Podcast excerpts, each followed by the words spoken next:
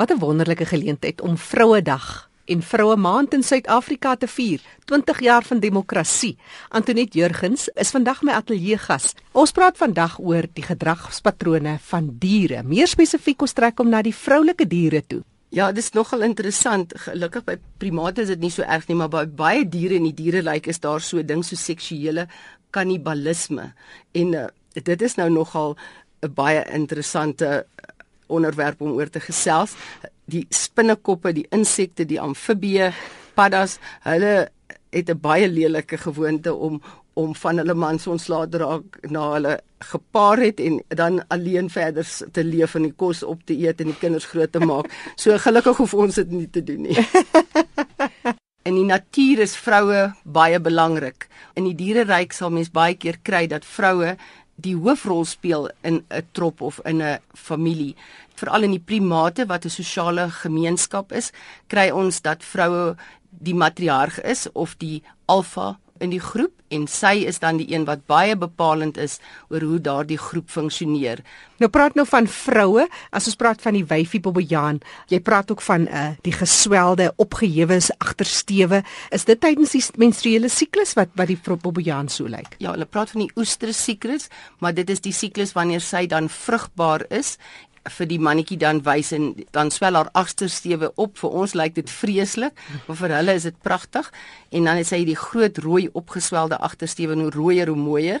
Ehm um, so sy gaan paradeer dan voor die mannetjies in die begin in so 'n siklus byvoorbeeld dan sal enige mannetjie sommer die lae rank mannetjies ook um, met haar probeer paar of mm. selfs paar maar as sy dan regtig ovuleer en dit dan die regte tyd is vir haar om met die alfa mannetjie te paar sal sy by hom toe nadering soek en na hom toe gaan en of voor hom gaan haar boude rondswaai of sy sal gaan lê voor hom op die grond en dat um, hy haar moet krap deur hulle hare en vryf in 'n regtige baie mooi liefdespel eintlik tussen die twee en dan sal die alfa mannetjie met haar en, paar. En daar's groot bewondering van die ander wyfies as sy nou hierdie opgeswelde agtersteewe het. Ja, dit is so. Hulle het regtig respek vir mekaar dan. Wat ook interessant is is dat dis nie net die alfa wyfie wat natuurlik ook opswel nie, almal swel op, maar die alfa wyfie is die een wat natuurlik die koningin is van die trop. So sy sy kry groter goeie beter behandeling en 'n groter bewondering, maar die ander wyfies natuurlik ook.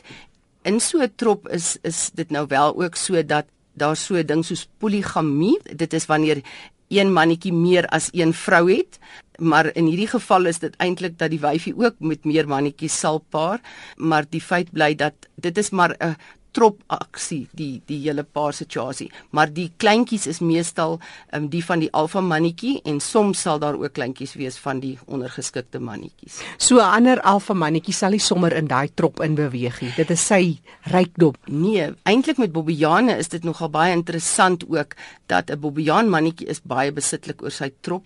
En as jy gaan kyk na die slagtande van 'n bobbejaan hulle is langer as die slagtande van 'n leeu en hulle kan werklik 'n ander mannetjie doodbyt baie maklik. So daar is altyd vreeslik aggressie en bakleierery in die paartyd.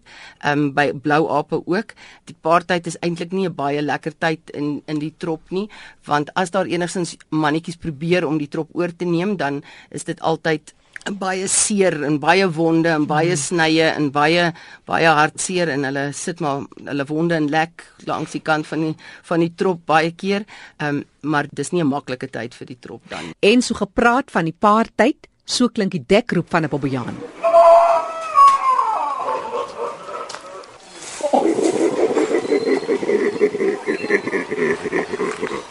Die wyfie van die Poppojane, hulle het ook 'n besondere hormoon. Hulle noem dit ook die die liefdeshormoon. Vertel ons meer oor dit. Ja, dit is baie interessant. Die hormoon oksitosien wat in die hypothalamus afgeskei in die brein afgeskei word, is die hormoon wat eintlik die moederinstink en die vrou instink aanmoedig en stimuleer en dit is eintlik 'n wonderlike hormoon. Hulle noem dit die hormoon van die liefde, maar um, hy het baie ander eienskappe ook en dit is interessant dat hy dan ook daai verhouding tussen die wyfie en die mannetjie ook in in 'n man en 'n vrou dieselfde, maar ook dan daardie gevoel wat die wat die vrou kry teenoor haar kind. Dit is 'n wonderlike hormoon. Hy stimuleer ook net voordat die baba gebore word, stimuleer dit die vorming van melk byvoorbeeld en en dan ook daai band wat hy versterk tussen die moeder en haar kleintjie.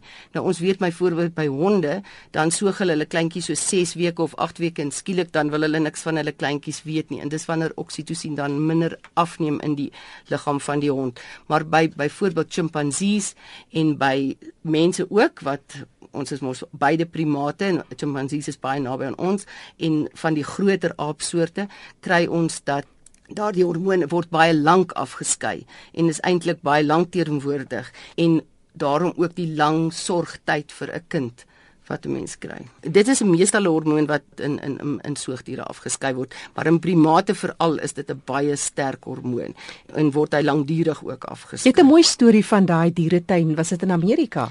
Dis reg, ja, in Brookfield dieretuin in Chicago het daar 'n ou klein kleutertjie in die dieretuin geval en die mense was absoluut hysteries en gedink hierdie gorilla gaan die klein kindjie ver, verskeur en wonder bewonder het hy die kleintjie opgetel. Ek kan nie nou onthou of dit 'n wyfie of 'n mannetjie was nie, maar ek neem aan dit was 'n wyfie gorilla, maar die kleintjie opgetel, vertroetel en vasgehou en niks niks niks aan die kleintjie gedoen nie, net eintlik die kleintjie beskerm en die mense het toe kon die kleintjie in die hande kry en weer veilig by sy ouers terugbesorg, maar mense sou nou gedink het dit sou nie, maar dit is oksitosien wat dit veroorsaak in daai wyfie. Dis maar hy moeder instink nie. Verseker.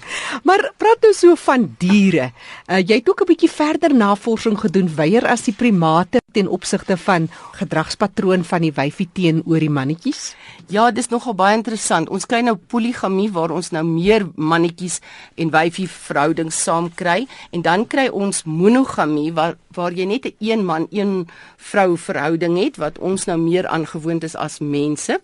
Maar dis baie interessant dat in die voëls is 90% van voëls is daar monogamie waar beide die mannetjie en die wyfie voël op die eiers sit beurte maak want hulle moet daai eiertjies warm hou en hulle een kan nie die hele tyd nie want een moet gaan eet. En dan ook as die eiertjies uitbroei dan moet hulle die kleintjies voer. So albei ouers is baie belangrik by voëls. So 90% voëls. By soogdiere is dit baie interessant dis minder as 5% So wys die paas is nou nie so nie die die lyk vir die maas lyk vir my is die belangrike ene daar of die vroue. Ehm um, maar in elk geval wat eintlik daarby wil sê is dat in soogdiere is dit baie minder enkel ouer nê. Ehm um, en dan by die mens by primate is dit 18%. So by menskulture kry ons gewoonlik omtrent so 20% is daar slegs een man een vrou verhouding. So die oor grootte meerderheid is is meer as net twee mense in hierdie verhouding ja. by die mens. Dis ongelooflik. Dis... Mense eintlik sien mense dit nie so nie. Ons ons is so gewoond aan ons aan ons kultuur soos wat ons hom ken. Ons weet nie dat daar soveel kulture in die wêreld is wat eintlik anders is. Maar wat interessant is want dit wat jy sê, dit is beide kante. Dis die mannetjie se gedrag sowel as die wyfie se kant en die mense is dit die manlik en van die vroulike kant af. Dis nie asof die een anders is as die ander nie. Nee, dit dit is baie interessant en in beide gevalle soms in sekere diereryke is die die mannetjie wat meer moet doen en meer moet gee en meer moet sorg waar in ander gemeenskappe is dit weer die wyfie wat meer moet sorg en dit het baie te doen met met die habitat en kos en die beskikbaarheid van kos en en voedingsstowwe en of die mannetjie kan bly um, en en sorg vir die kinders of nie en of hy moet wegbeweeg. So daar's daar's baie interessante gewoontes wat mense sien in diere wat jy wat jy eintlik nie van bewus is nie tot mens daarna gaan kyk nie. Antoinette Jurgens wat vandag my ateljee gas is, sy jare ondervinding van die primate, hulle gedragspatrone.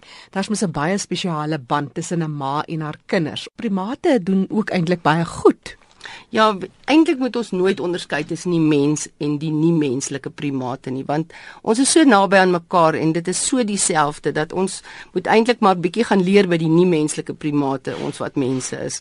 Dis vir my so besonder hoe die vrou in die diereryk haar kennis en haar insig en haar ervaring oordra aan haar nageslag.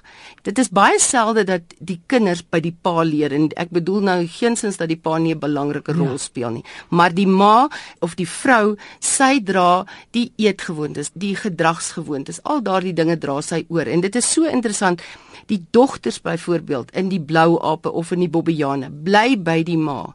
En in so 'n trop waar die ma die vrou die matriarg is, dan bly die dogters en die vroulike diere in daardie trop vir lewenslank. Hulle trek nie. En dan kry ons dat daardie diere leer by hulle ma en sy leer hulle hoe om 'n ma te wees, hoe om weer hulle vrou wees oor te dra aan hulle kinders.